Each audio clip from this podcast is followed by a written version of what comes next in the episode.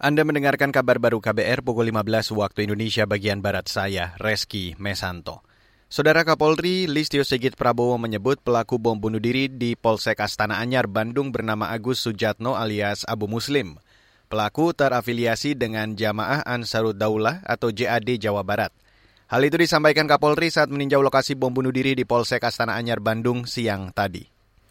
Pemeriksaan sidik jari kita lihat dari face recognition identik uh, menyebutkan bahwa identitas pelaku adalah Agus Sujarno atau yang biasa dikenal dengan Agus Muslim. Yang bersangkutan pernah ditangkap karena peristiwa bom Cicendo dan sempat dihukum 4 tahun di bulan September atau Oktober 2021 yang lalu uh, yang bersangkutan bebas. Kapolri Lisio Sigit juga memerintahkan Polri melakukan pendalaman dengan proses olah TKP. Ia juga menginstruksikan jajarannya mencari kelompok yang terafiliasi dengan pelaku. Pagi tadi sekitar pukul 8 terjadi bom bunuh diri. Pelaku dan satu anggota polisi tewas dalam peristiwa itu. Sementara tujuh anggota polisi dan seorang warga mengalami luka-luka.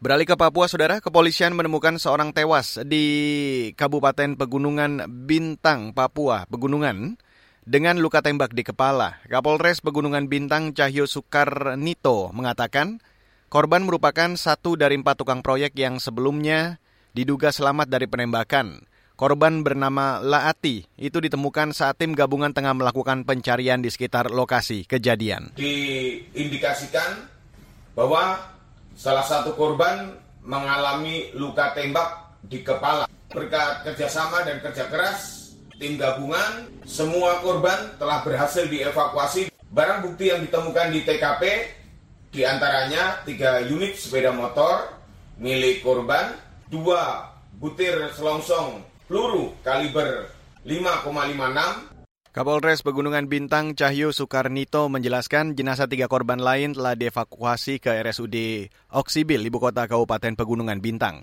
Hari ini jenazah korban akan dibawa ke Jayapura dan selanjutnya dikirim ke kampung halaman mereka di Kendari, Sulawesi Tenggara. Hingga saat ini kepolisian masih menyelidiki pelaku penyerangan. Polisi juga menduga pelaku berasal dari kelompok bersenjata di sekitar pegunungan Bintang.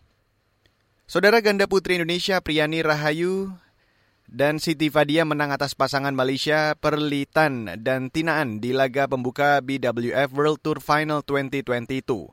Dalam laga yang berlangsung di Bangkok, Thailand, Apri dan Fadia menang 2 set 23-21 dan 21-19.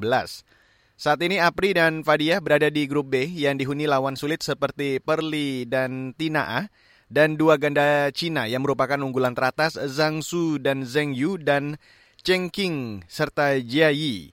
Selain Apri dan Fadia, ada enam wakil Indonesia akan bertanding pada pertandingan penyisian pembuka ini.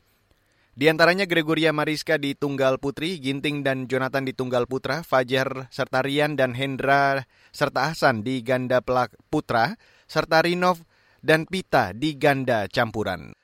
Terima kasih Anda sudah mendengarkan kabar baru yang dipersembahkan oleh kantor Berita Radio. Saya Reski Mesanto.